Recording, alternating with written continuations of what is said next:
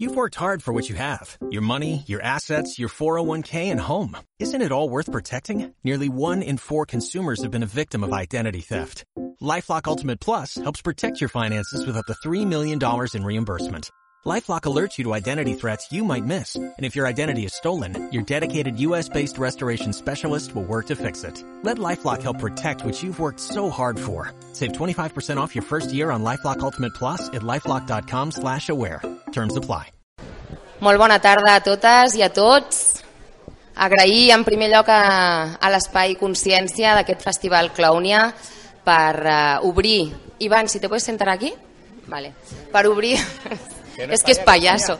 Entonces, uh, per obrir aquest espai per, per parlar de la cultura uh, en temps de guerra amb persones tan interessants com els que tenim en, en aquesta taula. El meu nom és Marta Molina, uh, jo sóc periodista, estaré moderant una mica uh, aquesta taula que durarà una hora i mitja i com que la intenció és que vosaltres que heu vingut cap aquí doncs, pugueu interactuar també amb, amb ells i amb elles, doncs deixarem l'última mitja hora perquè feu preguntes, perquè aviveu una mica el debat. Doncs com deia, eh, aquesta taula porta per títol Cultura en temps de guerra. Eh, aquí a la meva esquerra tenim l'Alguer Miquel, ell és el cantant de Charango, no sé si calen més presentacions, crec que no. Uh, a lo mejor no lo conocéis. Després, uh, per ordre, eh, d'esquerra, uh, a l'Ivan Prado, és pallasso, uh, de Payasos en Rebeldía, tampoco lo conocen. Soltero, per si alguna està... Algú, alguna o algun esteu interessats, interessades. Tiene Instagram, bueno, ya está. Es que me, es que me lía, me lía, me lía, me lía. Després, l'Amparo, eh, que ella és productora, és cantant, eh, també és activista, eh, i el Sergi Espinosa, que és coordinador de l'Ateneu L'Harmonia, del barri de Sant Andreu de Barcelona, que també no paren d'organitzar eh, festivals, eh, xerrades, exposicions molt relacionades amb la necessitat de canviar la societat a través de l'art i a través de, de la cultura. Bé, doncs a la primera fase d'aquesta taula hem pensat que seria interessant que cadascú d'ells expliqués una mica quina és, eh, quina ha estat la seva experiència com a artistes o com a dinamitzadors culturals, com és el cas del Sergi, eh, a l'hora de visitar països en conflicte i fer algun tipus d'actuació allà o des de l'àmbit de l'acció la, cultural també, doncs quins projectes són els que han dut a terme uh, gent, com, gent com el Sergi. Um, qui vol començar? Vosaltres quatre? Cri, cri. Cri, cri, cri. Venga, Amparo, ¿no? ¿Te animas tú? L'Amparo és una d'aquestes persones que s'atreveixen a aquests països en conflicte a portar, a portar aquest art. Adelante. Hola, buena tarde.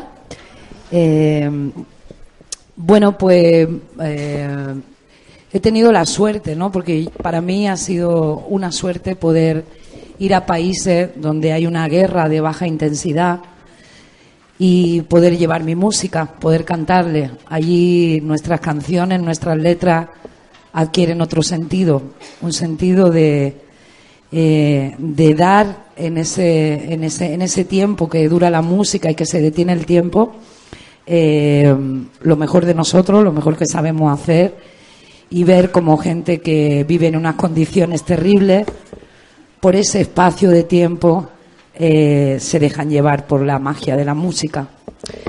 Eh, a estos lugares siempre he llegado pensando que iba a ayudar y siempre he vuelto sabiendo que ellos me habían ayudado a mí, que realmente la experiencia inolvidable iba a ser para mí y, cómo me relativizaba todo lo que pasaba aquí en mi mundo eh, diario y lo importante que una mirada, un abrazo eh, en forma de canción, pero también físicamente, ¿no? Eh, en estos lugares, ¿no? El valor que adquiere ese contacto.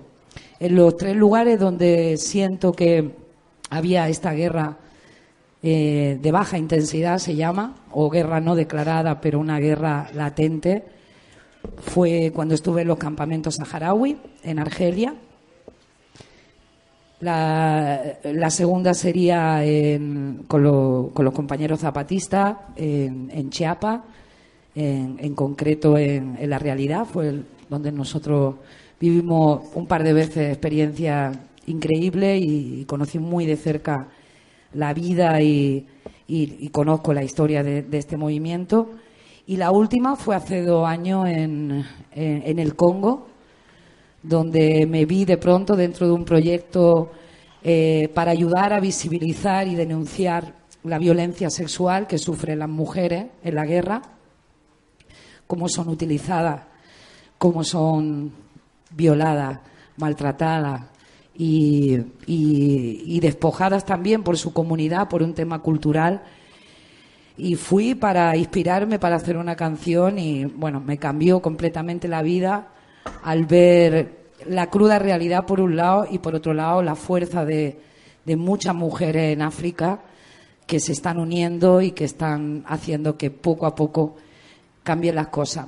Así que, como digo, para mí la música tomaba otro sentido cuando estaba en esos lugares, las letras, la música, el encuentro, el intercambio. Y me siento muy afortunada de haber participado en estos lugares y, y dejo que hablen los compañeros que también tienen maravillosa anécdota. Y estoy contenta de ser mujer, que ya sabéis que somos minoría siempre en todo. Y así.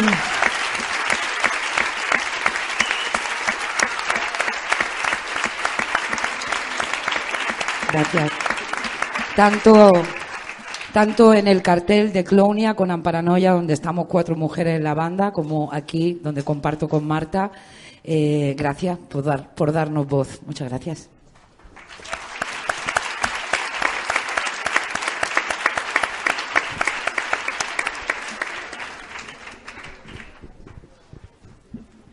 Bueno, bona tarda a tothom. Jo explicaré quatre coses, però nosaltres vam començar amb l'Ivan, o sigui que després l'Ivan explicarà bé. ell ens ha liat sempre, quasi bé sempre ens ha liat ell. D'entrada, agrair això, aquest espai meravellós que es genera cada any aquí. Un aplaudiment brutal per tota la gent que hi ha aquí darrere i munta això. Que va començar fa cinc anys i, i ara és una meravella i és un espai d'una alegria brutal. O sigui, és màgic. Nosaltres, com a grup, eh, bueno, ho hem explicat moltes vegades, eh, fa uns quants anys vam començar a escriure cançons, teníem ganes de compartir-les i hem anat creixent a poc a poc eh, amb el grup, amb els viatges, amb les aventures que anàvem, que anàvem vivint, eh, fins que un dia vam començar a decidir que podíem conduir nosaltres, sortir del que és el rum habitual d'un grup de música, dels concerts que es donen perquè es donen o dels festivals, i, i ap- aprofitar per créixer de veritat a través de, de tot això. No? I aquí va ser quan vam començar a fer viatges que, que ens van canviar la vida. L'Amparo abans deia eh, això, no? aquesta idea de- d'anar a ajudar i tornar eh, més ple que, que, que res. No? Eh, aquestes, bueno, eh, qualsevol viatge té una anada i té una tornada i, i la sensació d'aquesta tornada és, és el que et porta a créixer. No? En els llocs que nosaltres hem estat, eh, al final la sensació, la primera era anem a conèixer la situació, més que res anem-la a conèixer, després el que hi fèiem allà es transformava en una abraçada, que tot el que s'hi pot fer segurament des de fora és poc més que això, però també és tant com això, no? Arribar en un lloc i sentir que ens abracem, que ens reconeixem, que som els mateixos, que som els mateixos a qualsevol racó del món, no?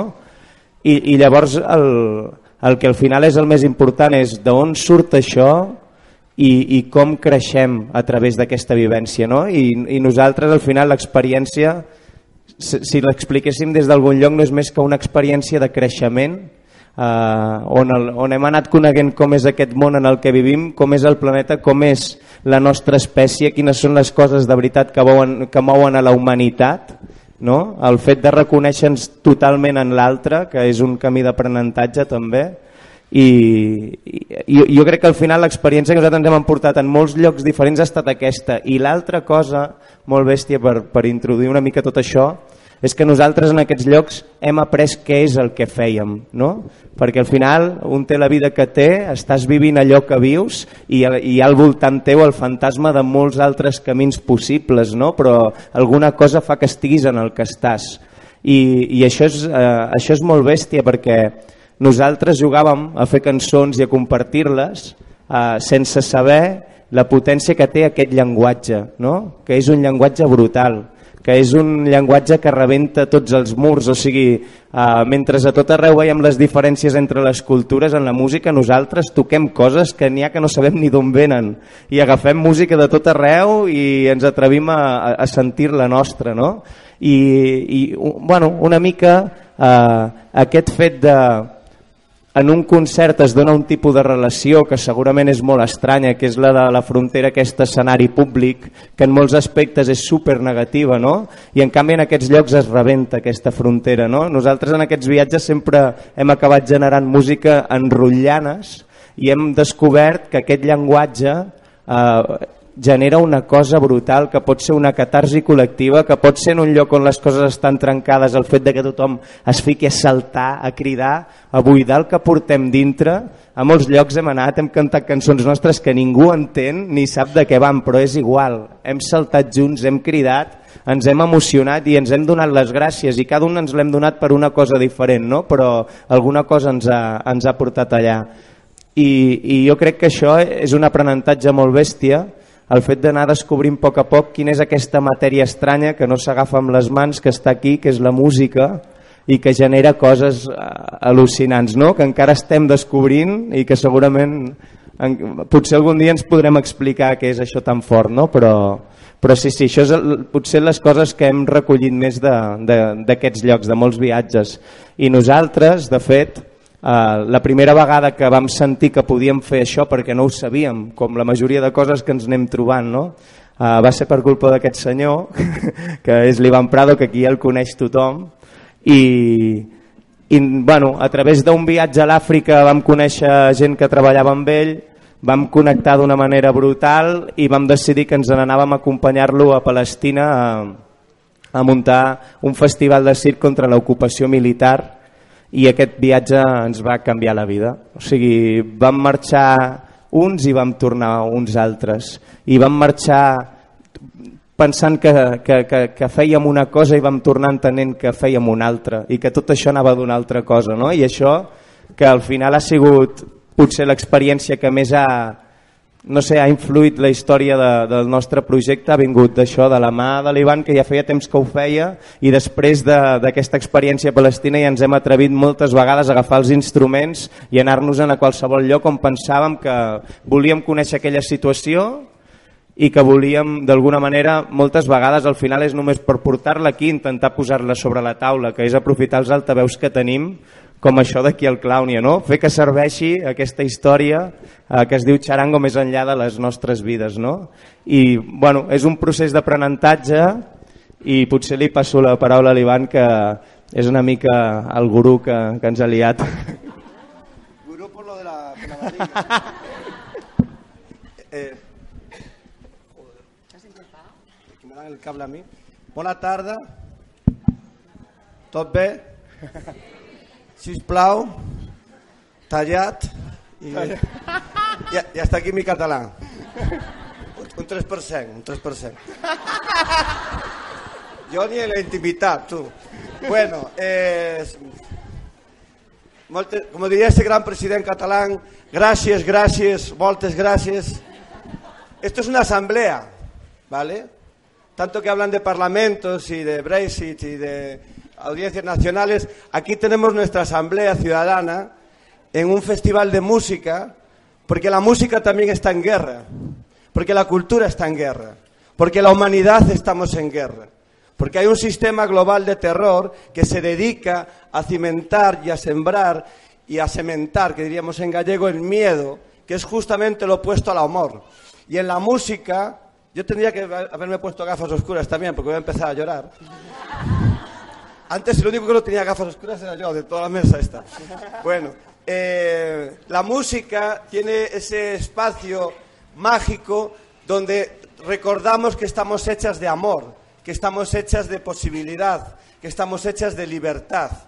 Finalmente estamos combatiendo sistemáticamente cada día, posiblemente todos los seres humanos, todos los corazones que hay aquí en esta asamblea, contra el sistema global de terror.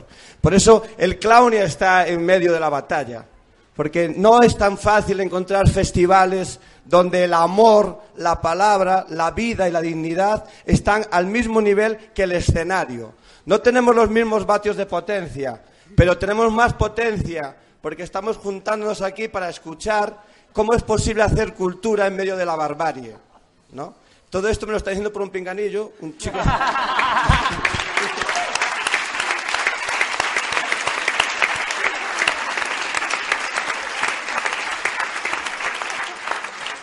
Entonces,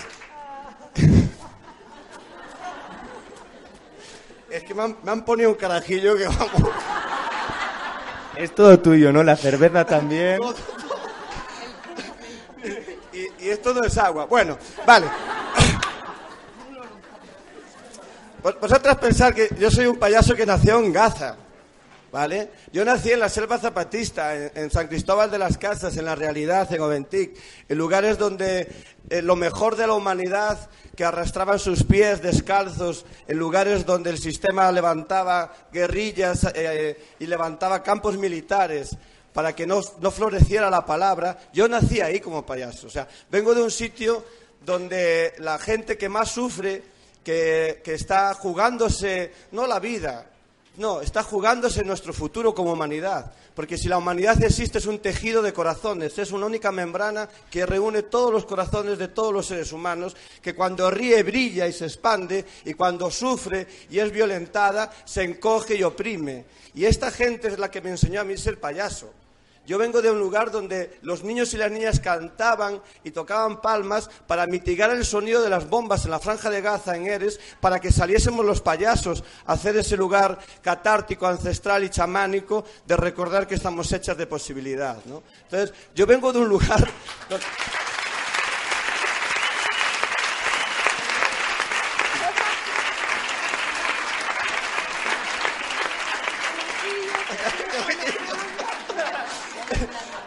En, estéreo, en estéreo. Lo de que estoy soltero es cierto, ¿eh? A ver si has cogido un chiste. Bueno, entonces, yo, yo vengo de un lugar donde, donde no es que se haga cultura en tiempos de guerra, es que, es que se, se sostiene la humanidad en tiempos de guerra. Porque la guerra real es contra la libertad de sentirse amado y amar y amar en libertad, porque no se puede amar de otra manera. Y la música, el payaso, el circo, el teatro, las artes, es esa, esa cosa que las diosas dejaron sembradas ahí, en una cosa que podíamos llamar creatividad humana, para recordarnos que gracias a que soñamos esas posibilidades, ellas existen. Entonces, no hay democracia. ¡Ay, me sale un gallito!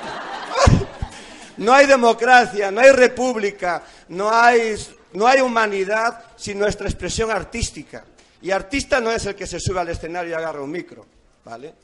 Artista es un niño que se llama Ali y que cuando me vio descalzo en Idomeni, en ese lodazal donde la Unión Europea levantó la zona cero y donde demostramos que ni existe la Unión ni tiene valores europeos, en ese lugar me regaló sus zapatos. Calzaba un 35 el chaval. Yo peso 100 kilos, no sé si da para ver, pero... Y me dio sus tenis blancos porque veía un payaso descalzo. Ese es tan artista como el payaso. Yo soy una niña kurda iraquí que pesando 15 kilos quería saltar en mi boti boti en Calais. Boti boti es un aparato con un muelle que va con el peso, todo va con el peso, no sé por qué. Y ella, y ella- y ella sentía que podía botar y volar. Yo soy esos niños y esas niñas de Gaza que aplaudían para que los payasos saliésemos a hacer nuestro pequeño acto mágico. Y ese lugar, ese lugar es el que me hace reconocer como ser humano. Entonces, no hay un tema que se llama la cultura, no hay un tema que se llama arte, se llama respirar, amar, follar, ser feliz, abrazar el placer y enfrentarte al gran monstruo que le podemos llamar capital, pero que en el fondo es la máscara tras la que se esconde el miedo. Y hoy aquí somos libres, durante una hora o durante todo el festival somos libres y al poder le da cojones. Le da cojones nuestras risas, nuestro baile, nuestros aplausos, porque sabe que donde hay, donde brilla esa arte, donde brilla esa cultura, donde brilla esa luz, ellos no tienen poder. Por eso yo fui preso en Palestina, en Israel, en una cárcel israelí, y fui expulsado, porque les da miedo un payaso en un campo de refugiados compartiendo la risa, que es el orgasmo cósmico. Si Dios existe, aparte de ser mujer negra, lesbiana y siria, habla con la risa.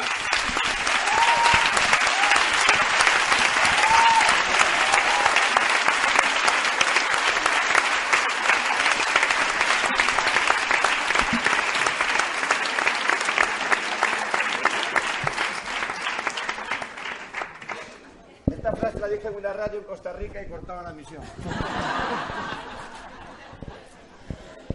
Doncs eh, m'agradaria també que el Sergi ens expliqués una mica eh, com des, de, des del vostre àmbit de la gestió cultural, de la feina que potser no es veu tant o no és tan mm, no? De, de, de, de sobre els escenaris o de, en aquests moments d'assemblees, però ostres, és aquella feina de formigueta tan necessària perquè festivals com aquest siguin possible, perquè, ha, perquè la gent que té aquesta creativitat també la pugui compartir. Gràcies, Sergi. Eh, bueno, primer de tot, moltes gràcies per convidar-me. Jo sóc una mica com el raro de la taula, no? perquè tots artistes, tots famosos i famoses. Bueno, eh, una mica hem vingut a parlar eh, com el títol genèric de cultura en temps de guerra, no? Eh, com deia Belivan, guerra, estem en guerra permanent des del món de la cultura, tant aquí com en països que realment estan en un conflicte armat obert. Eh, la cultura des de temps immemorables sempre ha tingut aquesta vessant crítica i aquesta vessant de transformació social, no? des de la cançó protesta fa ja una pila d'anys fins als concerts que muntàvem als 90 en contra de l'especulació, concerts eh, de suport als insubmisos i insubmises, etc. No? Però bueno, eh, jo no he vingut a parlar d'això. sí, jo, eh, bueno, en realitat sí que volia parlar d'això perquè a més ara tenim el, el cas del Baltònic, de Pablo Hassel, les retallades en llibertat d'expressió, etc. però ja ho deixarem per més endavant, perquè m'havia preparat com molt per parlar d'aquests temes, però aquesta setmana última he estat treballant en uns projectes a Llatinoamèrica eh, superinteressants i llavors, clar, quan coneixes altres realitats que no són la nostra, penses què estem fent aquí, no? O sigui, eh, tenim molta sort de viure on vivim, tenim molta sort de ser blancs, tenim molta sort de ser classe mitja per dir alguna cosa, tot i que estem tots superescurats, eh, però ostres, conèixer, altres realitats et, et dona molt que pensar i dius, ostres, tot el que tenia pensat no sé quin sentit li veig, no? Llavors us volia comentar per sobre una mica un parell de projectes, un d'Honduras i un de Bogotà. Ho faré molt ràpid perquè em podria estendre aquí hores parlant d'aquests projectes si no, no cal.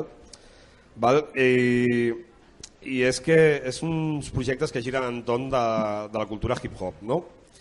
I són una mica qui tira del carro d'aquests projectes són uns cantants i unes cantants relativament famoses, com podria ser l'Amparo, com podria ser l'Alguer, eh, d'allà, d'aquests països, i, i em van deixar flipats aquests projectes, la veritat. O sigui, el, a Honduras, o sigui, perquè us imagineu una mica la realitat que viuen allà, el dimecres passat, el MC Coco, que és un, un MC bastant conegut a, a lo que és el seu país, allà a Honduras, eh, va arribar aquí a Barcelona, estàvem pel Raval fent una volta, i algú va tirar un petard. Pues el tio es va tirar sota un cotxe. O sigui, imagineu la paranoia amb la que viuen en, en aquests països, no? perquè eh, el seu projecte, l'objectiu que tenen és fer que el jovent eh, la seva esperança de vida sigui més enllà dels 25 anys. Llavors, eh, òbviament no són projectes autogestionats, no tenen cap tipus d'ajuda de l'Estat perquè l'Estat òbviament no els interessen també aquests projectes. I una mica, el, així resumint, el que fan és anar a buscar gent jove i abans de que els hagin captat les pandilles, les mares, els narcos i també fins i tot un cop estan dintre les pandilles intenten treure els xavals joves, el que passa que és molt més difícil i es juguen molt la vida perquè gent que està participant d'aquests projectes eh, les pandilles els maten perquè no volen que els hi treguin els, el jovent de, de les seves pandilles no? i llavors eh, bueno, amb el riu el hip-hop enganxen molt la jovent perquè allà es porta molt, a més és gent coneguda perquè el, això l'MC Coco allà és molt conegut i doncs, clar, el jovent, ostres, aquest tio que és el meu ídol m'està dient vine amb mi i farem coses junts, no?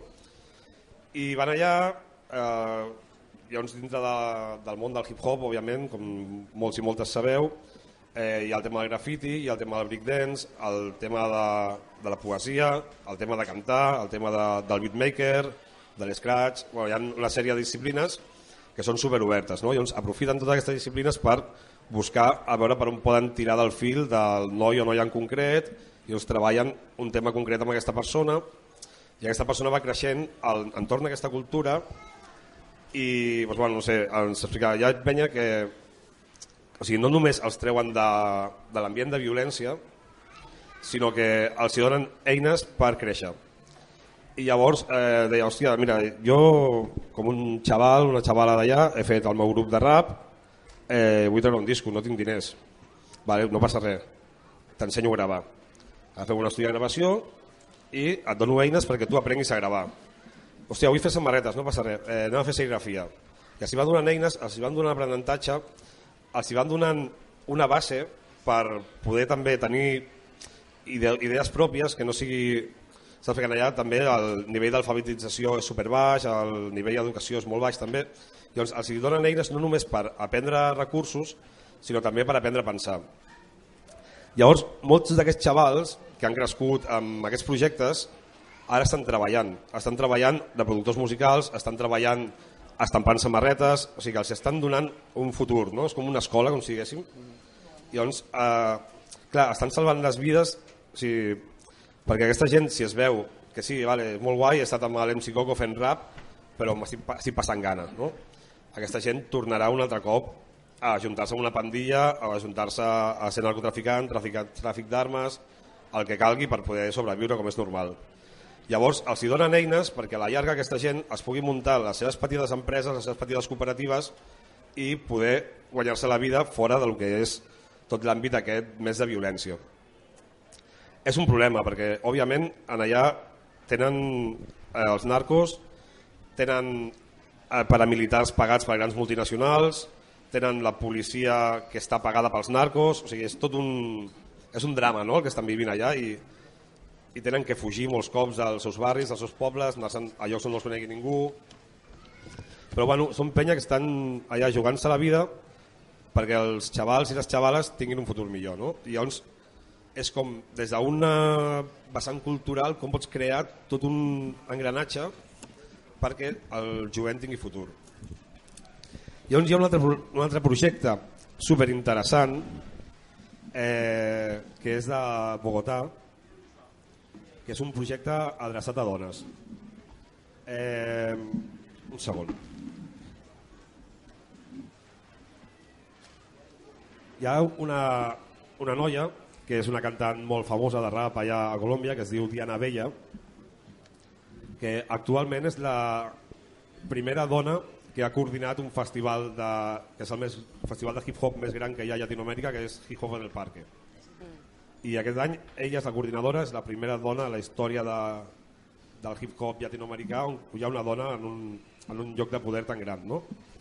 Doncs aquesta noia ha creat també un col·lectiu que treballa d'una manera molt similar al col·lectiu que us parlàvem, que per cert el col·lectiu que d'Honduras diu Arte en les Calles, pues, treballa d'una forma molt similar, el que passa que només treballen amb dones i treballen per l'empoderament de la dona. O sigui, la, en els barris del sud de Bogotà eh, el tema de la violència masclista està a l'ordre del dia i si aquí la patim, el, que aquí mm, no sé si mireu les notícies però si no és cada dia, és cada dos dies hi ha alguna notícia d'algun assassinat masclista d'algun punt de l'estat espanyol, en allà ja pràcticament ni surten les notícies perquè és que es passarien el dia parlant d'això només. No? Llavors, el, el que fa aquesta noia, juntament amb altres artistes vinculades al món del hip-hop, és eh, buscar noies joves que també, bueno, joves o no tan joves, eh? o sigui, buscant persones, noies, que les detecten que estan en un àmbit de violència familiar o que són propenses a, a caure en mans de pandilles, de mares, perquè també el, un dels problemes que tenen allà és que el tema del masclisme està molt al dia en els barris pobres. Qui rep una educació, si és que la rep algú, és el, el nen de la casa, la nena es queda a casa, saps? pràcticament no saben ni escriure moltes, no saben llegir i si aquesta noia té, no sé si la sort o la mala sort de ser guapa, com a molt serà la nòvia d'un cabecilla, d'una pandilla, d'un narco, però que al final serà un objecte. Perquè el que fan els narcos és anar a casa de la família i dir tu hija és mia, no? i se l'emporten i, i bueno, la vida que tenen tampoc és que sigui molt esperançadora. Llavors, agafen tota aquesta gent, les ensenyen a escriure amb el rotllo de eh, vine a cantar rap, hòstia, per cantar rap has de saber escriure, has de saber llegir, has de saber memoritzar les cançons, has de pensar en lletres, pots aprendre a fer música, pots aprendre a fer scratch, pots... també et donen moltes eines i el que treballen en allà molt és l'empoderament de la dona. Llavors, eh, estan creant com una xarxa de dones perquè el problema que tenen amb la violència masclista és que les dones estan soles. I llavors, des d'aquesta associació, el que intenten és que les dones no sentin soles, sentin que tenen algú darrere i siguin capaces de deixar el, la casa seva, deixar el seu àmbit familiar i, i poder marxar i sentir que no sentiran soles, tenen molta por, òbviament, aquí també passa és aquesta por també de la que ens parlava l'Ivan, no? que intenten posar-nos en els cossos fins i tot a l'hora de, de crear, de fer art. El Sergi s'estava avançant molt a algunes de les preguntes que, que havíem pensat, no? que és també aquest retorn eh, en forma d'art i en forma de cultura per eh, treballar eh, dins d'aquest àmbit artístic doncs, aquestes pors o, o, aquesta, o aquestes eh, violències. No? Llavors, per tornar una mica a, al, que, al que havia pensat que, que podia ser com la segona eh, pregunta, us dic al Sergi, ja, tu, tu ja ho has fet, ¿vale? ja no hace falta que, que lo vuelvas a repetir, però m'interessaria molt parlar d'això, no? de l'art i la cultura com aquest canal no? de, de transformació per poder arribar doncs, a, a crear eh, des d'aquesta de, alegria no? que deia l'Ivan i potenciar aquesta, aquesta creativitat humana. O com deia l'Amparo, no? eh, la música cobra otro, otro, otro sentido cuando vuelves de estos lugares. No? I, i l'Alguer també ens deia, tornem amb una altra càrrega eh, de coses. No? Llavors, mm, com a artistes també, no? ja que el Sergi ha explicat eh, des de l'àmbit de la gestió de projectes més comunitaris, doncs quin és aquest retorn de la gent, no? què és el que vosaltres podríeu explicar eh, com a artistes quan el canal és l'art? No? Què passa amb aquesta gent? És un, és un canal que els mitjans de comunicació no poden eh, manipular o fer anar cap a on vulguin. És un canal que neix des d'una altra banda, com deia l'Ivan abans, i que eh, crea una, alguna cosa en la gent que us està escoltant, eh, als nens i nenes d'aquests camps de refugiats, eh, a la gent que està eh, en aquest, envoltats per aquest mur a Palestina, a les dones eh, que viuen la guerra al Congo o que estan al Sàhara també en, en camps de refugiats quin és aquest retorn eh, de la gent quan el canal és l'art i és la cultura. El, el, el, perdona Marta, eh? el retorn què vols dir? El que rebem nosaltres, el que tornem cap aquí? El que ells, el que ells us diuen o que vosaltres noteu que reben, no? Sí, què, sí. què és el que transforma en ells? No? I després, doncs, si voleu, podem parlar sí, d'un àmbit sí. més, més global, no? que és el que transforma a nivell macro, aquesta transformació social de l'art. Però m'interessa apel·lar un moment no? en aquestes emocions que es creen eh, tan necessàries en un clima de eh, guerra, de conflicte i de por. Totalment. Bueno, eh, una mica allò que deia abans jo de l'abraçada, no? O sigui, que tu estiguis un any, dos anys, tres anys esperant en una frontera europea, en un lloc on no entens el teu entorn, on parles una altra llengua, on ets totalment estranger, on les dones ho són dues vegades perquè ho són en aquell país i ho són a dintre dels camps, no? per dir-ho d'alguna manera, uh, en, en, en aquest lloc uh, tan bèstia, que surti algú de l'altra banda del mur que surti algú de l'altra banda del mur, d'aquell lloc on no et deixen entrar i et digui a dins hi ha molta gent que està amb vosaltres, al final és un reconeixement, és que al final és apropar-nos i reconèixer-nos. tenia alguna cosa a així, jo no sé si nosaltres haguéssim pogut anar a tots aquests llocs si no, si no tinguéssim la música, no? Per nosaltres és també una excusa per poder anar i apropar-nos, no? aquesta cosa que es genera. Un exemple d'una situació que vam viure eh, el primer cop dels to de tots els que vam arribar a Idomeni, eh, me'n recordo que era quan un, vam estar tocant al camp, hi havia 12.000 persones, es anaven generant petits entorns de gent que s'apropava i quan marxàvem va venir una dona corrents a buscar-nos si ens podíem esperar que havia de trobar la seva filla. No? La seva filla era professora de música al seu país. Va venir la filla corrents emocionada i el hippie el que va fer va ser treure's l'acordió i posar-li en ella. No? Aquella persona que estava passant el dol d'haver perdut la casa, d'haver perdut l'espai de tots els records, que estava passant eh, el trauma del viatge, del mar, de, de la deshumanització dels camps, de tot això, de cop, a davant nostre va agafar un acordeó, es va posar a tocar i va tornar a algun lloc que nosaltres som incapaços d'arribar mai. Tornava a ser ella. O sigui, potser només vam anar allà a portar un acordió, no? però vam viure una escena brutal on una persona tornava a agafar allò que era part de la seva identitat, es posava a tocar-lo i enmig d'aquella de, del lloc més trist del món apareixia alguna no? I, i moltes vegades són petites coses així. Jo que sé, vam, per, per explicar anècdotes per posar en situació el que, el que vivim allà. Uh, el segon viatge que vam fer a Domeni, només d'arribar al matí allà, ens va venir a buscar tot de gent corrents perquè arribava un grup de música que no se l'esperaven, eh, ens van portar a una tenda de campanya on la nit abans dues persones s'havien casat i estaven allà dins passant la seva nit de noses que van fer, els van començar a picar per tot arreu i quan van sortir ben adormits el, la parella es van trobar a un grup de música de Catalunya que no coneixien de res a davant de la tenda tocant-los una cançó i ens van ficar a saltar, a cridar, a cantar amb tot de gent que no ens coneixíem i nosaltres doncs, vam ser la banda del despertar després d'una nit de noses no? i al final és això, és que és una cosa tan senzilla com una abraçada, un moment diferent pels nens, els nens, els camps estan plens de nens, l'Àfrica està plena de nens. Uh, hi ha molts llocs on el temps està parat, no? per exemple el Sàhara, aquests espais els dies es repeteixen, es repeteixen, cau un dia sobre l'altre, qualsevol cosa, no? ara vam estar amb l'Ivan eh, per la ruta dels Balcans als camps de Sèrbia fa 15, 15 dies, eh, allà cada dia en aquells camps tenen el mateix dia, l'espera, no? Eh, el Sàhara ens ho deien, el deporte nacional del pueblo saharaui és l'espera, no? Estan allà i cada dia esperen a que canvi alguna cosa.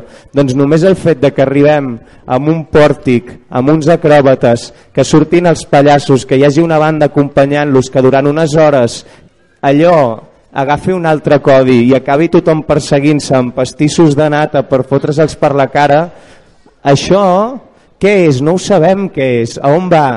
No ho sabem on va, només sabem el que hi passa, però passa i passa alguna meravellós, no? I, I en aquest espai ens reconeixem i acabem abraçant-nos, saltant i cridant i vivim un moment d'alegria, no? Ahir, ahir, no sé si algú d'aquí va veure el concert, eh, jo els, en els camps de refugiats, fins i tot en un dels pitjors espais on he estat, que era el camp militar de Basílica, on els refugiats ens havien d'obrir les valles d'amagat perquè entréssim eh, i no ens veiguessin els militars perquè no s'hi podia entrar, no volien voluntariat internacional ni gent de fora, perquè els amaguen, no?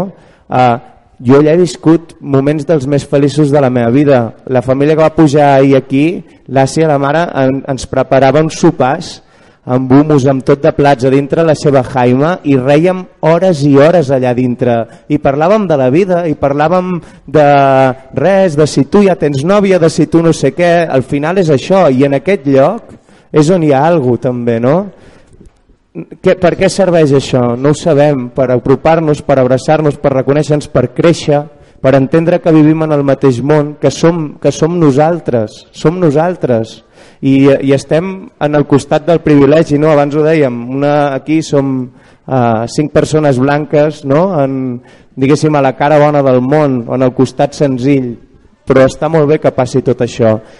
Per mi el que va passar ahir aquí és màgic, o sigui, jo vaig conèixer les persones una de les persones amb més llum del món al pitjor, el, més llum del món al pitjor lloc, no? L'Ahmed, un dels nens que va sortir ahir aquí, no sé si algú va veure un dels programes de vides aturades que feien, a ell, a la, una entrevista de tele és una de les coses que a mi em va flipar més, no? Li demanaven, tu sempre estàs alegre, sempre estàs rient, sempre estàs fent que jugui tothom, com tu fas, no?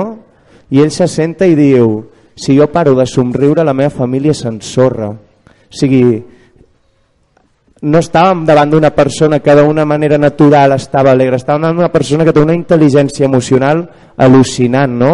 I aquesta persona és una persona de llum i ahir la vida li va tornar un lloc a prop d'un munt de voluntaris que, que, que han estat la seva família també allà en un, en un lloc on havia d'estar sempre, que és en un lloc on el món l'estimi perquè ell estima la vida, no? I al final són petites coses, vull dir, no és tant no és tant el que podem canviar, el que podem fer, no?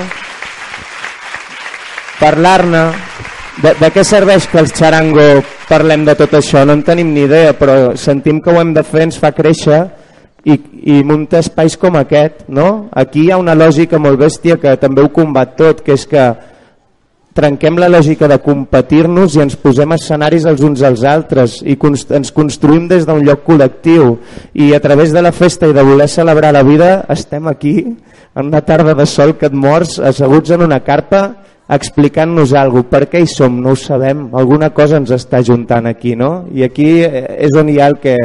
Això mateix d'aquí és el que passa tot arreu i és el que hem d'aconseguir que passi. I posar nom a la gent eh, que, com l'Ahmed, eh, porta la llum dins d'aquests camps de refugiats, no? posar nom i cognom, el que, el que sempre ens donen com a xifres, no?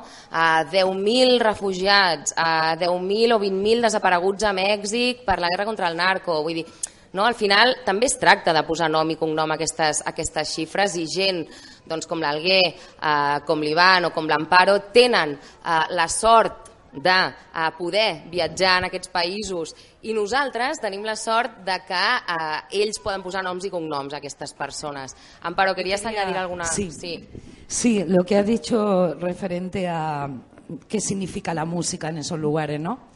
Y bueno, como Alguera ha explicado un montón de cosas súper bien, yo quisiera poneros en una situación que fue la que a mí más me impactó de, de todas las que he vivido y, me dio el significado de que el lenguaje de la música realmente, como decía Iván, es algo cósmico, es mágico y nos conecta. No importa la lengua ni eh, importa que la música pasa y nos sentimos como parte ¿no? de, ese todo y pinta la esperanza en, situaciones terribles. Y yo quiero compartir la que a mí más me impresionó en el Congo, que ha sido el último viaje. Eh, estábamos grabando un documental y entonces hacíamos también una serie de entrevistas a diferentes personas y entonces estábamos en Casa Bulengo, es una casa eh, que está construida gracias a donaciones internacionales y es una casa para acoger a mujeres víctimas de la violencia sexual, de la guerra, de los desplazamientos.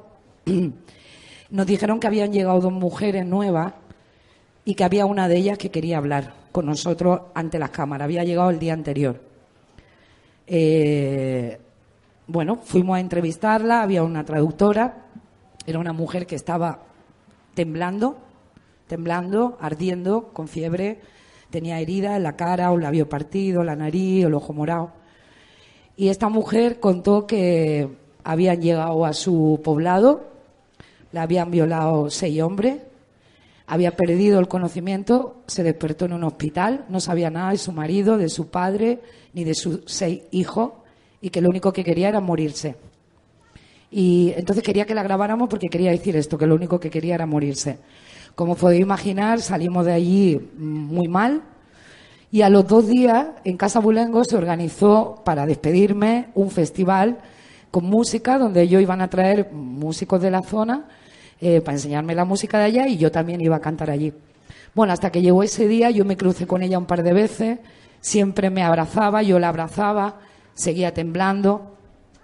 Y cuando llegó el día del festival, eh, no puedo describir lo que sentí cuando vi a esa mujer salir al oír empezar la música y en su dolor máximo mover su cuerpo y era como una plegaria y conectarse completamente con, la música. Yo bajé del escenario, la abracé, yo le estaba dando las gracias por haber sido tan valiente de venir a, a, a, unirse a esa celebración de la vida, a esa celebración de estamos vivas, hay que seguir para adelante, por muy doloroso que sea. Y cuando tuve que cantar la fiesta, la parte de seguiré caminando, aunque me duela, esa mujer estaba ahí mirándome con su brazo en alto. Y quería compartir ese momento porque significa todo para mí. Haber escrito una canción que va a perdurar, que seguiré cantándola, que seguirá sonando, pero sobre todo que me recuerda a mí misma que en situaciones de muchísimo dolor lo único que nos salva es la rebeldía, la alegría y la esperanza. Eso es Clownia, eso somos nosotros y nosotras. Gracias. Aquesta, aquesta alegre rebeldia no? de que sempre ens recorden, sobretot els zapatistes, des de la realitat, des de Chiapas, des d'aquell 94, no? aquesta alegre rebeldia des d'on es crea, des d'on es fan xarxes, des d'on es creen aquests moments catàrtics. No? Uh, és impossible que no se't posi la pell de gallina i que no t'emocionis quan uh, t'expliquen històries com les que explica l'Amparo, com les que explica l'Alguer, com les que explica l'Ivan, perquè és aquest, aquest moment no, de prendre consciència en aquest espai on estem ara nosaltres eh, de tot el que està passant eh, al món i tot el que ens està passant en aquesta guerra que podem viure des de, des de moltes també, perspectives, no? perquè aquí també eh, estem en un moment on les retallades de drets i llibertats estan a l'ordre del dia i des de la creativitat musical, cultural, des de la pintura, des d'aquestes trobades, com deia l'Ivan, xamàniques, assembleàries, catàrtiques, de ball, de dansa, podem transformar moltes coses i podem fer que aquesta por s'esfumi d'alguna manera o compartir-la no? i també sentir-nos vulnerables i poder plorar i poder plorar d'alegria i poder ballar amb aquesta alegria. A mi m'agradaria que eh, l'Ivan també ens expliqués alguna d'aquests retorns eh, que has tingut en aquest eh, últim viatge o, o fins i tot també en aquests tallers que organitzes no? de, de creativitat relacionada amb el clown eh, que has fet a, a Palestina, a Brasil, a, a Mato Grosso do Sur, amb els Guaraní Kaiowà, que has anat a regions eh, on doncs, això del pallasso doncs, com que no, que no, que no havia llegat, vamos, que havien llegat altres coses. Llavors m'agradaria que ens expliquessis també com des d'aquest canal eh, pallassístic no? també canalitzes eh, emocions des de l'altra banda. Eh... Si quieres, ¿eh? Yes, allá, yes, allá, no, cap, cap problema. No entendí la pregunta, pero ahí voy. Esto me está pasando mucho, ¿eh? el calor. Eh, nosotros fuimos a, a Calais porque eh, Ona Chaplin, que estuvo aquí hablando de esa experiencia en el clown y hace dos, dos años, nos invitó, ¿no? Queríamos ir a, a, Lesbos porque salía en la tele. Cuando el Spy Conciencia era una carpa blanca, esas Era, eran dos carpas blancas sí. y la mitad vacía. Y, eh, y, no, y no había micro. Bueno, y... Sí había, sí había. Vale. No, no, no había carajillo entonces. Sí había, sí había. Y entonces eh, fuimos porque, porque, bueno, la dona Chaplin es un ser de luz y nos dijo, tenéis que venir y pues vamos, ¿no? Nosotros en Galicia a la hora de marchar marchamos y a la hora de ir vamos. Una cosa así muy intelectual. Y, y entonces fuimos para allá y era la jungla, y la jungla realmente, ¿no? Porque allí había una tienda de campaña con tres niñas de 10, 12 años que era el prostíbulo del pueblo. Eh, cuando desmantelaron la mitad del campo de refugiados desaparecieron 47 menores no acompañados. Eh, los fachas de toda Europa, que son los mismos que están marcando las políticas migratorias en nuestro supuesto gobierno europeo, iban allí a tirarles piedras a, escupirles y a pegarles. Bueno, el caso es que, nosotros íbamos como en plan festiclao, ¿no? Venga, vamos a hacer un pasacalles, ¿vale? Para, que, para traer a la peña. Entonces me van y me dejan tirado allí, dos horas dando vueltas, a ver dónde se metieron. Y, pusimos la música, empezó a llegar, pues, bueno, no, no empezaban a llegar, es que vivían allí, esa gente vivía allí. Los refugiados, por un lado los de Sudáfrica, por otro lado los de eh, los afganos, por otro lado los sirios, ta, ta, ta. Y entonces, pues claro, hacía un frío que te cagas, llovía, el pórtico montado, pusimos la música y teníamos 300 personas. 300 personas y un gallego, parecía un chiste. Y, digo, bueno, pues, pues, pues tendré que hacer algo, ¿no? Los otros no- las otras no llegaban, no llegaban, se habían ido a, a- repartir flyers en un campo. Y estas cosas solo las hace payasos en rebeldía. Bueno, total, que, que entonces eh, yo digo, bueno, pues, pues venga, voy a improvisar. No tenía nada, pues, pues saqué una, lo que sé, un aro, no sé qué. Y eh, veo un niño en una tienda de campaña y me acerco, no sé qué, el, alguien, un tío, un padre, un primo, lo que fuese, me lo, me lo pone en brazos, me lo llevo para el, escenario, el cabrón saca más risas que yo, 40 minutos de show que se montó el chaval. Digo, hostia, menos mal que el Circo de Soleil no ha llegado a Siria. Bueno, total, el, el chaval monta el show de la, de la vida, llegan los otros dos horas más tarde, hacemos nuestro show, acaba el show y viene una voluntaria belga, yo diría belga o holandesa, eh, llorando. Digo, hostia, yo ya sé que soy feo, pero tampoco. Hostia, el show fue malito, pero venga. Digo, ¿qué te pasa? What's happening you? Ese, ese es my level. Y me dice la tía, no, es que habéis sacado a este niño sirio que lleva seis meses sin salir de la tienda de campaña. ¿No? Entonces tú dices, vale, tú ya lo haces, ¿no? Ya te preparas, ya te financias, ya haces los cursitos, ya haces los festivales, juntas la peña y te vas allí, pero el universo te hace estos regalos.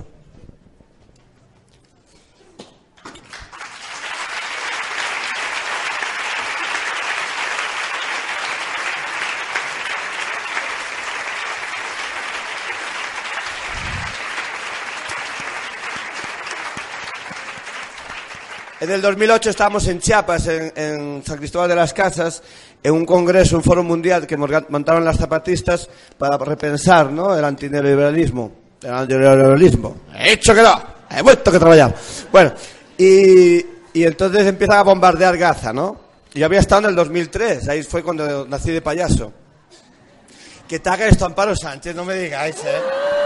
¿Sí o no? Yo es que le tiro los trastos hace dos años, pero... Son las lágrimas más bonitas, las divas. No hay lágrimas más bonitas que las de él. Un aplauso.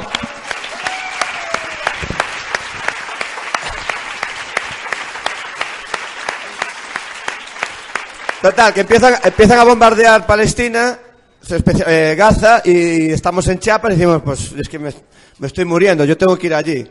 Entonces organizamos un viaje que tardamos tres meses en montarlo y fuimos en abril. Y en abril descubrimos que había gente en medio del genocidio, en medio de la sinrazón, en medio de la ocupación que lleva 70 años haciendo que las víctimas del holocausto hoy sean los verdugos, que es donde más sufre y más nos jugamos el futuro de la humanidad, se llama Palestina. Pues en medio de ese, de ese, de ese aborigen, de esa vorágine, resulta que hay gente haciendo circo y por eso nos llevamos el festiclán. Total, que me- nos vamos con la escuela de circo de, de Ramala y me dicen, bueno, vas a dar un taller de risoterapia. Vale, pues venga, de risoterapia. Es un centro para mujeres violadas durante la segunda ocupación. Bueno, pues bueno, mujeres violadas. Eh, son musulmanes, no te van a tocar. Bueno, pues no me van a tocar. No te van a mirar a los ojos. Bueno, pues no me van a mirar a los ojos. No van a correr. Bueno, pues no van a correr. No van a saltar. Venga, tampoco van a saltar. Y no se van a tirar al suelo. Digo, bueno, y te asesor de risoterapia, ¿no? Vale. Thank you for this opportunity. Ah, Me voy para allá, literal. O sea, mujeres que habían sufrido lo más grande a- bajo la maquinaria más genocida que yo conozco. Y entonces, pues, menos mal que venía la traductora, que era galaico-palestina, y una voluntaria también belga. Todo pasa en Bélgica. belga allí al lado, y digo, bueno, poneros a mi lado porque voy a hacer un corro, nos vamos a dar la mano y ya que no las puedo tocar, ¿no? Entonces, bueno, yo empiezo a hacer mis gilipolleces, mis tonterías. eh, tengo una gallina que me habla, se llama Margarita. es de estas de, de- de los perros que hacen mamá, mamá, y hablo con ella por teléfono. ta, ta, ta. Bueno, empiezo a hacer mis tonterías, agarro las manos, miro a, las- a la- a aquellas mujeres y les digo, eh, con traducción, ¿eh? Y les digo, "Va- voy a contar hasta tres y vamos a saltar. Y me habían dicho, no van a saltar. De hecho, van- iban súper cubiertas, pero unos tacones así. Debajo del vestidito, un tacón así. Y digo, qué guay para risoterapia con tacones, vale. Eh, bueno, Waha Tenin Talate, que es lo que aprendí yo de árabe. Perdón si hay alguien que hable árabe aquí. Y Waha Tenin Talate. Y saltan todas las mujeres. No solamente saltan todas las mujeres, sino que corrieron, se abrazaron, me tocaron, se tiraron al suelo, hicieron todo lo que no iban a hacer. Fue así que vino el concejal de cultura a ver qué estaba pasando. Nadie del centro de mujeres se lo estaba creyendo. Teníamos a todo el equipo directivo, mujeres, viendo la sesión. La gente de la escuela de circo que me llevó, llevaba un año trabajando allí, esas mujeres cuando se le caía una clava, una clava, una maza, no se agachaban a recogerlas para no hacer esto. Y esas tías lo hicieron todo. Tanto así que la gente de la escuela de circo lloraba. Entonces, cuando Marta pregunta cuál es el retorno, qué les llega a esa gente, yo me quedo con Algué, me quedo con Amparo. Yo no sé qué les llega. Ahora, yo sé que a mí me ha edificado como ser humano por dentro. A mí no hay mejor público que la gente que se juega la vida todos los días. En Palestina paran los coches para bajarse a abrazarme. Hacen colas en las casas de cambio, familias enteras para abrazarme. Suben, nos suben a Leo Bassi, que está más loco que nadie, a su casa para darle de comer.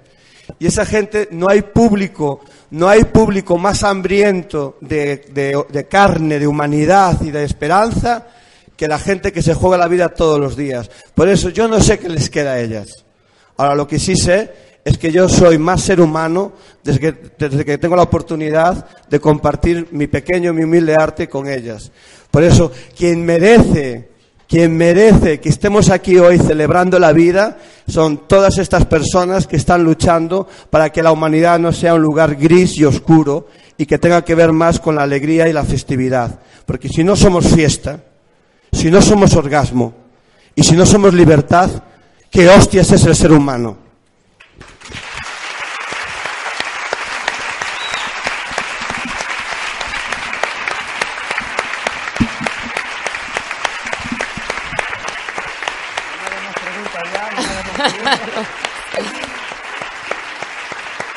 I això, I això és el que ens arriba a nosaltres, eh, aquest, que- aquest compartir, no? aquest, eh, aquest compartir les històries, aquest compartir aquesta abraçada que us arriba quiero a decir una vosaltres. cosa muy rápida, Adelante. súper rápida, perdona Marta. Oh, que va.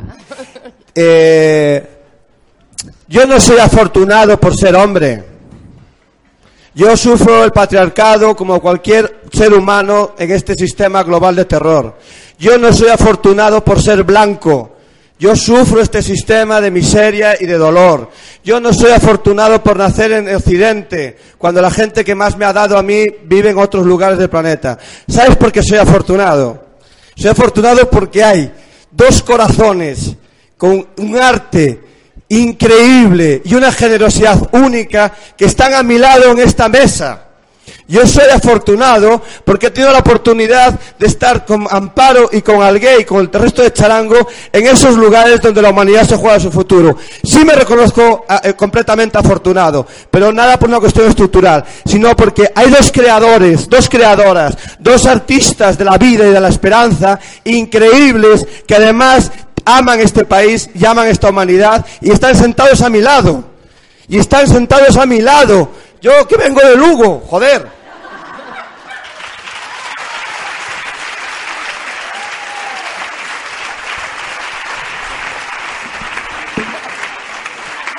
Aquest espai, consciència, espai catàrtic també, d'abraçades. I tu estàs sentado aquí a su lado i també tenim la sort de que tota aquesta gent està sentada aquí davant nostra i segur que també tenen moltes ganes de, de preguntar-vos coses, de comentar eh, algunes de les coses que heu, que heu dit vosaltres i de compartir aquesta alegria i aquesta creativitat. Des de l'alegre rebel·lia, sempre, de les làgrimes i tot el que queráis. Per tant, ara eh, el micro és vostre, si algú de vosaltres té alguna pregunta, alguna reflexió... Compartimos, eh, compa- el Kleenex también. Yo tengo, yo tengo.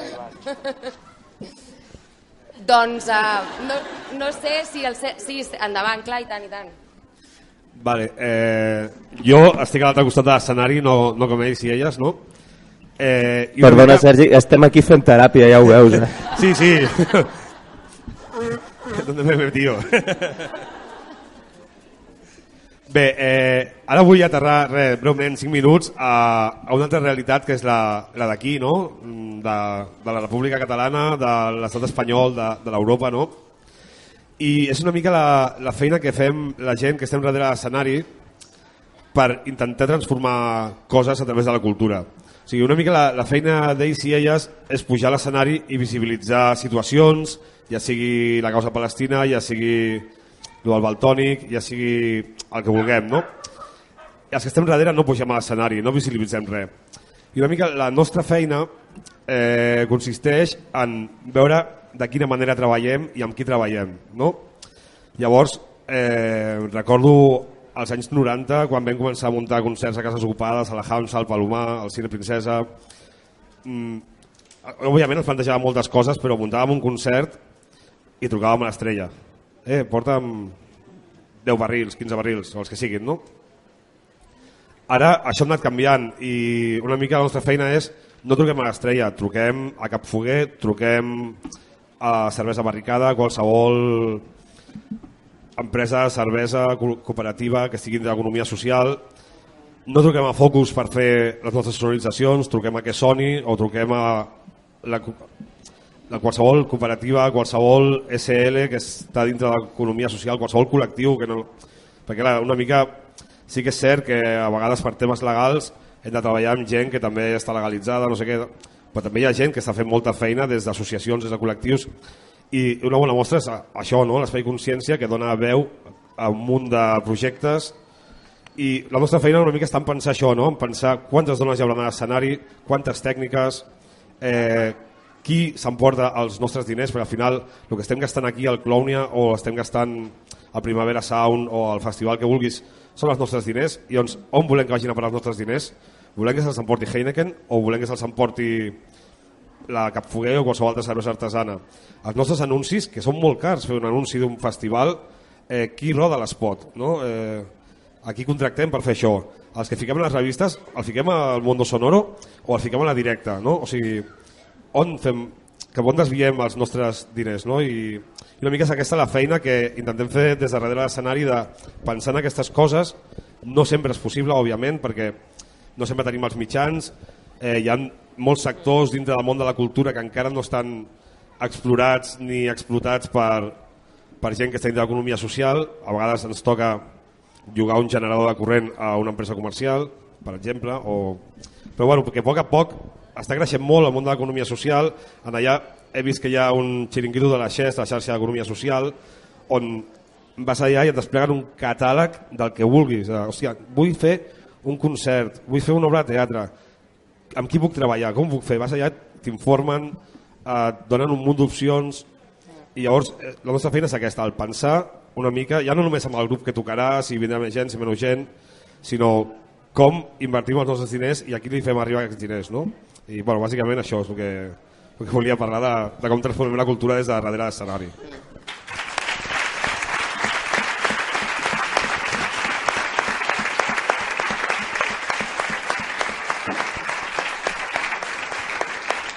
important el que deia Sergi de, de també dir en aquest espai consciència doncs d'anar creant xarxa per preguntar-nos com consumim eh, també a nivell individual, que és molt fàcil fer el primer pas de consumir d'una altra manera amb tots aquests estants que tenim aquí darrere i també dins de la indústria musical, dins de la indústria, de la indústria cultural i artística. Doncs um, jo, és que clar, a veure, crec que és molt important que participi la gent que, que està aquí en, en aquest espai consciència per aportar, uh, per fer preguntes, per reflexionar, per uh, dir un poema, vull dir, alguna cosa Val? Si algú realment té ganes de dir alguna cosa, que aixequi la mà i farem que el micro arribi, no? Micro analàmbric. Si no, tenim aquí una llista de preguntes generadores que s'ha inventat la Marta Molina, que todavía no les puede no las he podido hacer porque pues, va com va. Llavors també podríem tirar milles per aquí. Allà darrere? Sí, merci. Gràcies, Laura.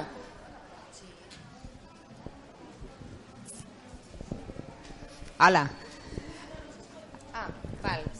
Ara? Des Sí. no, bé, després el passem per la Ah, bueno. darrere. A veure, la meva reflexió volia eh, vol, eh, anar una mica eh, en relació al nostre voltant. Vosaltres parlem de portar la cultura fora de les fronteres, cosa que em sembla molt important i, i molt, bueno, molt que sigui.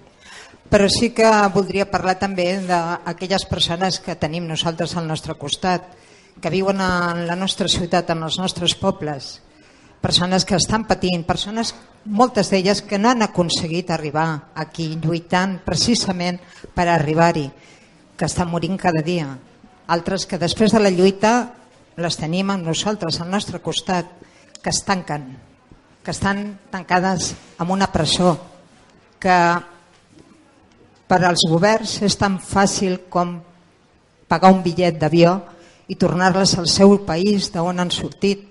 Persones que viuen a les nostres escales, als nostres barris, que se senten marginades i que també volen aquesta abraçada, aquesta abraçada que vosaltres porteu a fora i que tant us omple a vosaltres, aquí també omple moltíssim.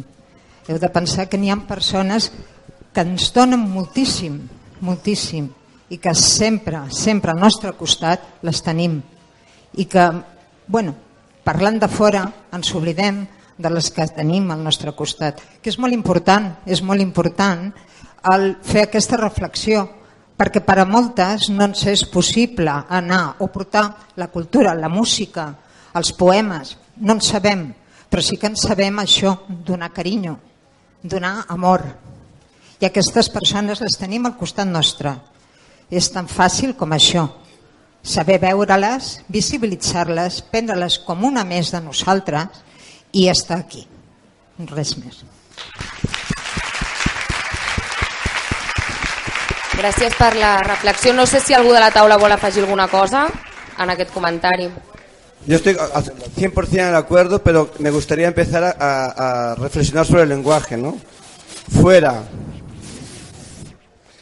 Para mí, yo estuve en un colegio el 1 de octubre, nací en Lugo, estuve en- bajo las bombas en Gaza, nací en Lugo, estoy en el Claunia, nací en Lugo.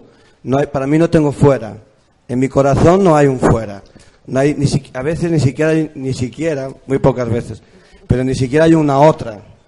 Entonces, como reflexión de que también tenemos aquí cosas obvio, pero sinceramente, yo ahora llevo una- unos cinco años de gira ininterrumpida. Mi aquí, mi aquí personal, son todos estos aquí y toda la gente que estuvimos en Serbia ahora y llevan tres años en un campo de refugiados. Entonces, que el, que el sistema tampoco nos inocule, no sé si el verbo es ese, eh, el, el aquí y el fuera y el la otra, porque yo soy la otra. Y parece una canción de la Pantoja, pero yo soy la otra.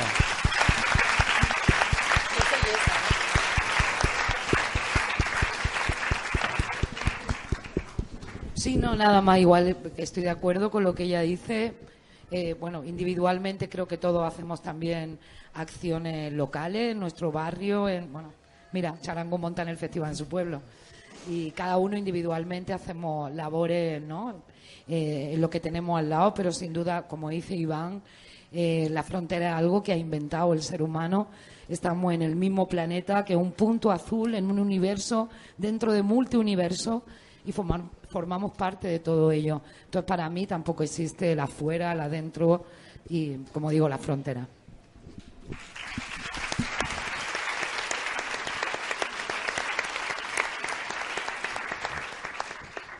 Hi havia... Si vols afegir alguna cosa, no? No, Sí? no, no, està superbé. Uh, allà darrere hi havia una altra intervenció, aquell noi de la barba? Sí. Sí. És que, bueno, no, clar, no sé com et, com et dius, perdona. Barbarroja. La barba. Barbarroja. No, no, eh, Llorenç. Llorenç. Llorenç, endavant. Sí, sí. No, eh, soc eh, una mica també artista i, i estic intentant fer una mica d'associació d'artistes per consciència i, i valors i, i activisme i tal, no? I bé, no, jo m'he enterat fa poc que hi havia Clownia Festival, no? I, i volia col·laborar i tal, el que passa que ha sigut massa tard i llavors no ha sigut, estic super commogut no? per, a més un espai conscient no?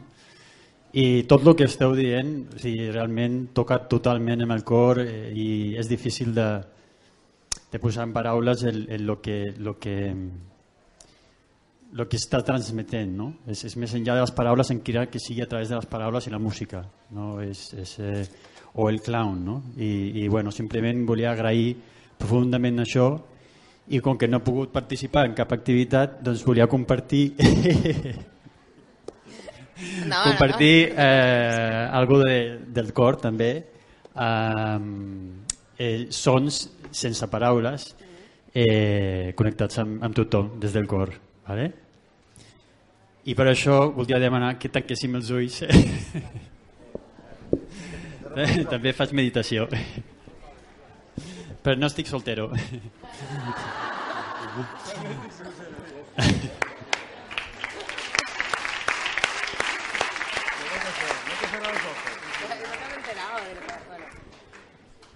Eh, vale. doncs tanquem els ulls si, si voleu i si no, doncs no. I sentim la nostra respiració. Ui, que rotllo, ara ens dormirem. sentim, sentim la nostra respiració, el nostre cor com bateix i com bateix els cors de la gent que hi ha al costat? I de la gent de la que hem parlat. A tot, tot arreu. Tothom sentint el nostre cor i el cor de tots al mateix temps.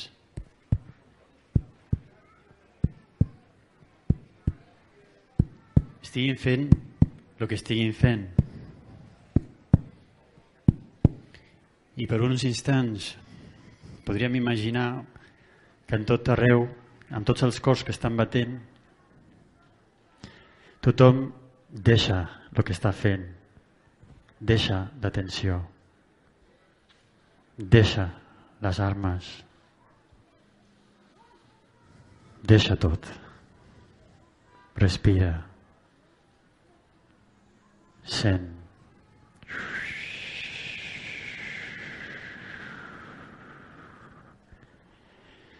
aliviats tots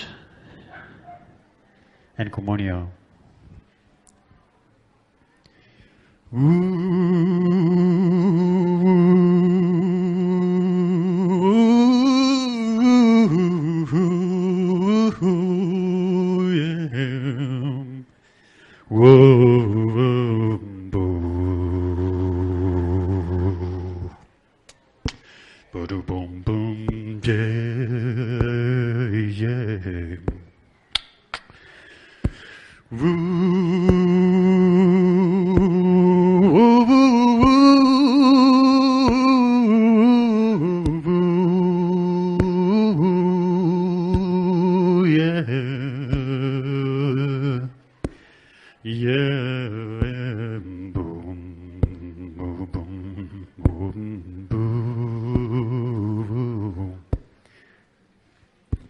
Woo!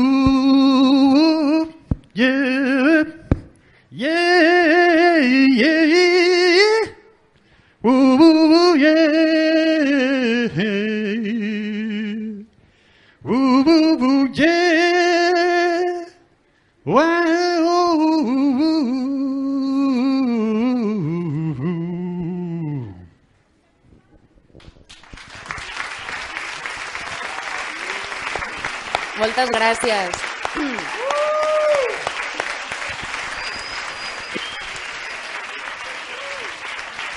per aquest espai, per prendre consciència també de tot el que ens han explicat i integrar d'alguna manera no? totes les paraules que, que ens heu comentat i compartir aquests llocs on heu estat. Congo, Sàhara, fronteres, no fronteres, aquí i allà. Hi havia alguna intervenció més allà darrere? No? Ah, doncs no. Aquí davant. Jo vull dir una cosa molt petita.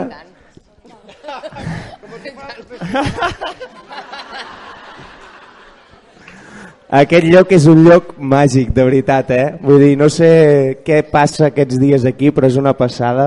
Nosaltres, eh, a tot l'equip d'aquí de l'Espai Consciència, havíem proposat canviar aquesta carpa per una de, de més gran i ens van dir no, aquesta carpa és màgica, aquí hi ha algú que no sabem què és ja està, eh? no l'hem canviat i sort, o sigui, és màgica gràcies per aquest moment de veritat, eh? brutal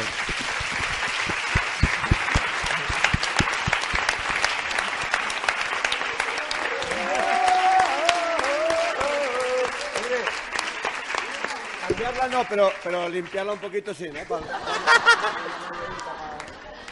para el año que viene. Um, res, jo volia fer una mica la reflexió de... O sigui, a la plaça hi ha una pancarta que posa molta gent petita, llocs petits, bueno, fent coses petites, alguna cosa així, pot canviar el món, no? Llavors, sobretot, um, generar la consciència de si tu a casa ets solidari, llavors ja estàs canviant el món, no cal que te'n vagis al Sàhara per canviar el món. No, vull, bueno, era aquesta reflexió.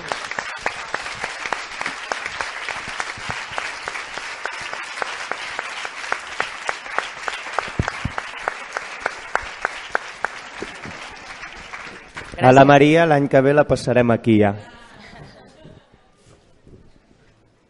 Des de la taula, si voleu, si voleu fer alguna reflexió, endavant. Sònia. Sí, era per si volíeu fer alguna reflexió entre mig.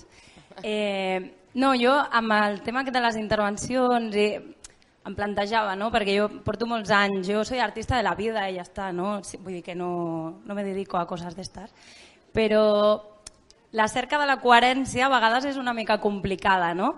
I, i jo quan dèieu que l'altre no és l'altre, que... Pues és veritat, no? Perquè és igual si te'n vas fora, si estàs aquí, Sí, cadascú està cridat a transformar des d'un lloc i és superbonic que hi hagi gent que transformi des de qualsevol lloc i, i per mi quan vaig a buscar el pa i li parlo bé al que li compro el pa doncs és, és una cerca de la pròpia coherència de trobar el meu espai per canviar el món no? I, i que al final què més dona? No? Des d'on transformem, si transformem i ho fem des del cor ¿no? Bueno, para mí, ¿eh? No sé, que, que qué más da, que cada uno que se vaya donde quiera, pero que transforme.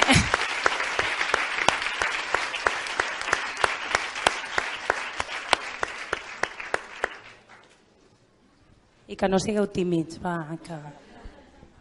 Hay micro. Hi ha alguna... Sí. Tenim més micro? No, eh? Mientras esperem que arribi el micro, Iván, puedes decir algo, por ejemplo, ¿no? Mientras llega el micro. Sí o no? Jo, jo, jo sí que dic una cosa petita. No, en, en el tema de la coherència, eh, moltes vegades ens genera una frustració brutal i a vegades fa que no siguin possibles unes quantes coses que serien meravelloses no? I, i aquest festival és un exemple de totes les incoherències del món també i també de tota la bellesa del món alhora. No? Un va creixent, va aprenent, eh, va descobrint que moltes coses que, que fa eh, no n'era conscient no? i al final vas, vas trencant a cada passa totes aquestes històries. Nosaltres en aquest lloc Uh, de petites coses n'estem orgullosos de moltes, de petites coses en, ens, en fall, ens en fallen moltes, però al final existeix, no? Existeix malgrat la incoherència, malgrat totes les peces per posar a lloc, no?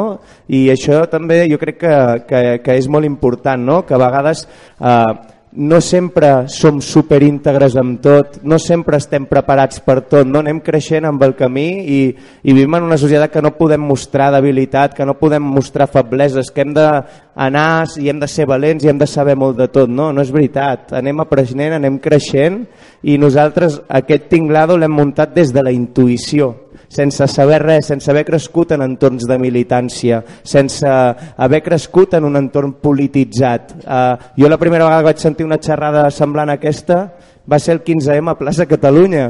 Jo allà vaig xocar amb, amb, amb, amb el món, no? I jo devia tenir ja 22 anys, 23 anys, vés a saber, 24 potser. I... Què vol dir? No sé, ah, vale, jo què sé. És que ho he anat com intentant calcular i no em surt quan, quan, quan era. Sí. 2011, bueno, no, no fa tant.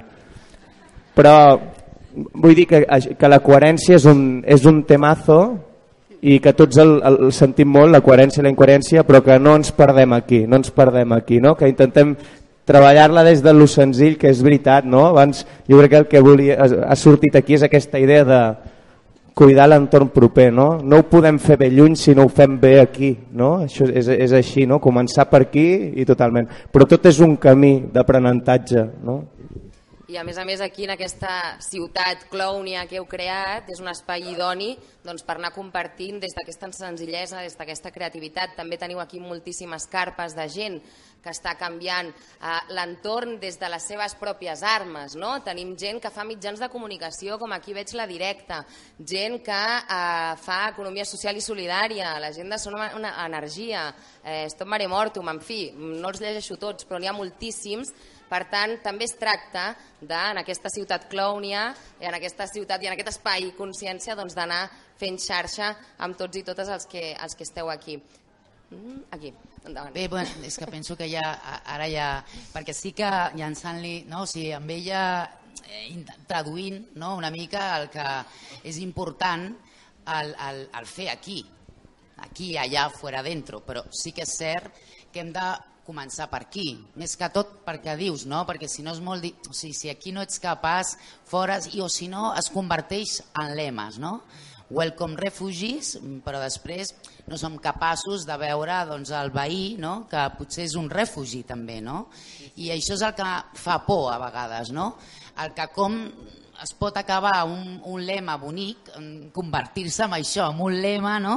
que la gent welcome refugees i no està veient que al costat eh, potser en té un que necessita de, de, del suport. No? Per, això una mica era el triangle aquest que al final mm, de la senyora, no? que crec que eh, una mica anava per aquí, no? Uh, dona, millor? Com et dius, com et dius? Eloïsa, l'Eloïsa, no? perquè si no, i, i després una altra que sí que és veritat que eh, ell deia no, des de darrere, perquè eh, els músics mm, que teniu, perquè músics n'hi ha de diferents eh, categories en qüestió de fama, parlem-ne, no? Teniu un, un, un micro i, i, i això amb, amb lo bo i amb lo dolent. Això és un problema. Amb lo bo i amb lo dolent, no? I, i per això és important, que, o sigui, jo que us us he seguit des de l'inici pràcticament, no? Mm, doncs avui he vingut, que és el primer any que vinc, i la veritat és que, doncs, ole, no? Ole perquè sou un, un grup que, que heu estat capaços d'utilitzar no? aquest, aquest, coneix, no? aquest que la gent us coneix per, per fer coses en positiu, perquè el problema és que hi ha molta cultura i músics i, i, la, bueno, i la cultura no solament música, no? però que influeixen en negatiu també, no? i això s'ha de tenir en compte, no? que sou un altaveu per lo bo i per lo dolent, no? Aquesta responsabilitat que comentàvem abans també, no? que teniu els músics, els artistes, però també els que feu gestió cultural a l'hora de programar, de veure qui porteu i d'anar obrint escletxes perquè el discurs, com deia eh, algú de Charango, no me'n recordo, una entrevista que vam fer a la ràdio ara fa molt temps, també els inicis, que era eh, polititzar eh, els fets, no? és a dir, no quedar-nos en aquests eslògans eh, com deies tu, no? polititzar els fets i no només el discurs, no? alguna cosa així. Sí, sí. Era així, era així. I a veure, si no hi ha... Sí, volies dir alguna cosa més? No, no, no. Algun comentari al respecte? Perquè sí, tenim temps per una intervenció més i aniríem tancant. Eh? Sí? O no hi ha intervenció? Sí? Es pot dir? Endavant, endavant. No, sí, sí. Sí, sí. sí. Ja lo tienes Val. en la mano. Doncs abans parlàveu no? i us sentia eh, que què és el que s'enduia la gent, que... Jo penso que amb aquesta societat que tenim, que, que és tan individualista, no? de que, de, de, que viu amb la por, eh, el que vosaltres creeu allà, i penso que el que heu creat molt bé aquí, és el vincle. No? A vegades ens, eh, eh, ens acosta, no? estar amb el company, eh, en allà ho podeu veure molt bé, perquè allà tothom, si no és un, tot el grup no es fa un, no sobreviu, no? I aquí ens tenen acostumats a que, a que som individus, un, no? I que, i que fa goig que pugueu muntar aquestes coses no? i que se senti bategar un sol cor, com fa molt poc, i, i donar les gràcies a Nan. Xavi es diu ell? El, Sergi no? perquè eh, aquestes petites coses que vas fent, que es va fent, que no és visible, que, que aquí no has tingut tant protagonisme no? com, com ells, que no se t'ha vist prou, però, però collons, tio, quina feinada que estàs fotent, xaval.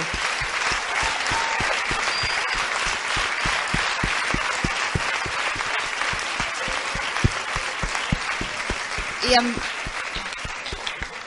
i em penso que, que, gràcies per la teva feina, em penso que parlo amb, amb un sol cor, no? que gràcies per tu, per, per aquesta feina, i gràcies a vosaltres tres per fer-ho visible, perquè això és el que feu. Feu visible la feina de gent com ell. Gràcies.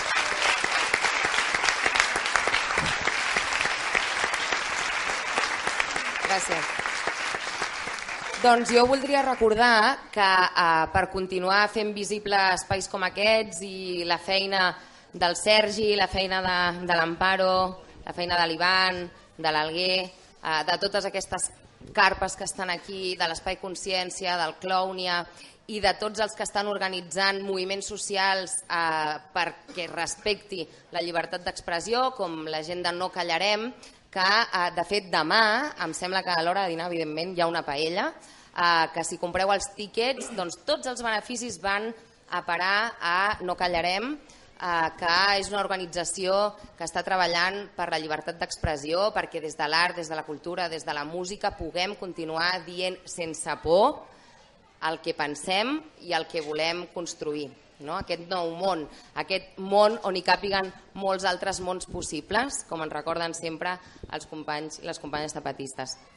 I, ah, atenció, sí, hi ha una cosa que tampoc no se'n no se pot oblidar, no. que l'explicarà millor l'Amparo, però, bueno, sisplau, eh, el tema dels, tí, dels tíquets, un moment, eh?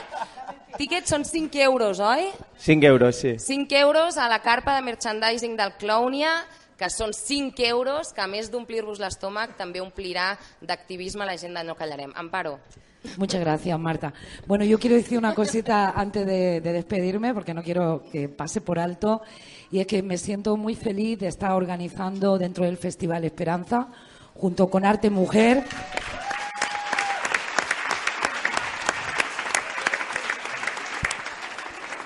Eh, un día de la esperanza, un cartel 100% en femenino. Todas las artistas...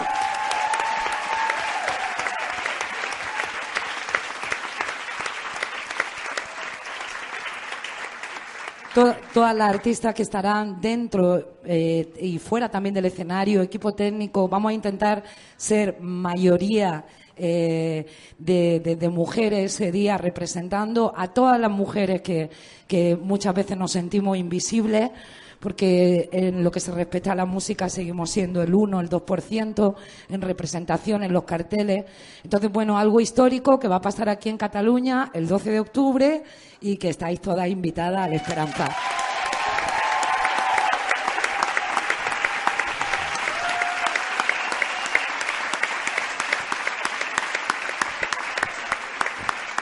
Per tancar, per tancar la taula m'agradaria fer una última passada uh, per la taula, donar-li la paraula al Sergi, a l'Ivan i a l'Alguer perquè també tanquin una mica doncs, el que hem estat parlant a, aquí, o anunciar altres coses que passaran a Taneu Hormonia, lo que queráis. Micro abierto. Anda.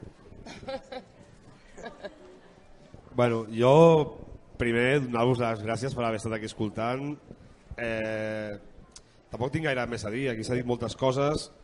Eh, i res, simplement donar-vos les gràcies, gràcies a no sé com et dius, però per, per les paraules que m'has dedicat. I ja està, moltes gràcies i molt content d'estar aquí a totes vosaltres i encantat de compartir aquí la taula amb, amb els companys i les companyes, que és, per mi és un plaer. Gràcies,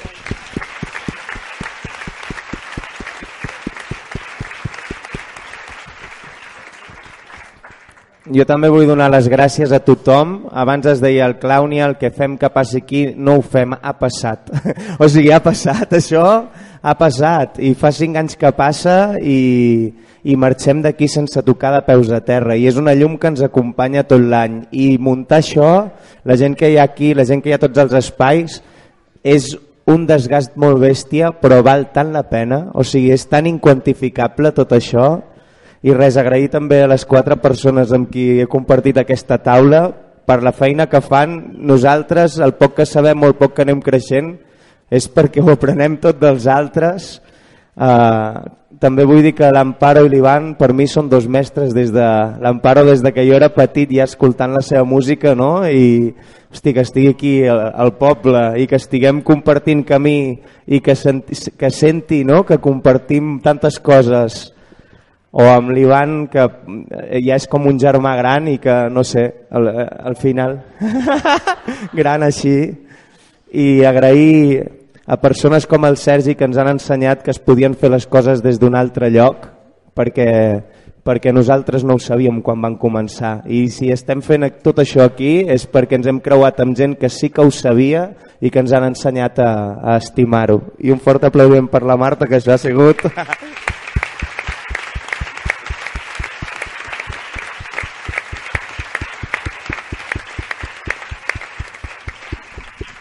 Bueno, del 11 al 14 de octubre, la cita musical más rebelde y con más corazón del el Estado español como mínimo. ¿Vale? Entonces, eh, estáis invitadísimas. Es, es, son vuestros latidos lo que hace que el festival se sostenga. Son vuestras risas y vuestros aplausos y vuestros saltos los que hacen que podamos soñar con un día solo de mujeres. ¿Vale? Pero eh, detrás hay un corazón que se llama San Cosme, que se llama GATS, que se llama gente que está todo el año trabajando pro a pro. Eso sí que tienen piel, pero vamos, de rinoceronte, porque toca medio planeta. Pero planeta de al lado, de San Cosme, ¿vale? Y toda la pasta, toda la pasta, toda la pasta, parezco político, ¿verdad? Toda la pasta de este festival va para proyectos sociales, como dice el Oscar, para hacer la revolución. Entonces, vamos a vernos allí.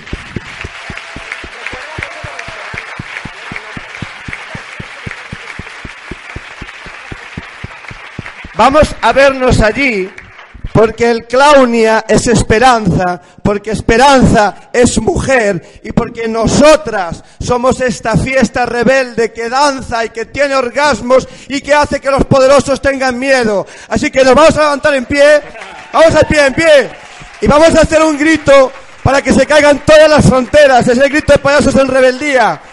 Nosotros tenemos una, una, una, banda sonora para eso en rebeldía que nos la escribió Amparo sin saberlo, que se llama Somos Viento, no lo vamos a hacer aquí. vamos a hacer una cosa muy breve y muy rápida, porque dice así a algún payaso por el mundo, dice, porque la única frontera entre tú y yo es nuestra piel, y cuando hacemos el amor ella se derrite. Entonces, vamos, era algo así, ¿no? Vamos, vamos a hacer un grito de guerra, de amor, para que se caigan todas las fronteras. Yo grito, Masi, y hacemos como si tuviésemos caderas, ¿vale? Trashi que trashi. Esto tiene que llegar a Siria, a Gaza, a San Cosme, a todos los lugares donde hace falta amor y luz. Vamos allá, para cerrar esta charla maravillosa. Muchísimas gracias. Merci, merci, merci. ¡Masi! ¡Trashi que trashi! ¡Masi! ¡Trashi que trashi! ¡Merci! ¡Merci!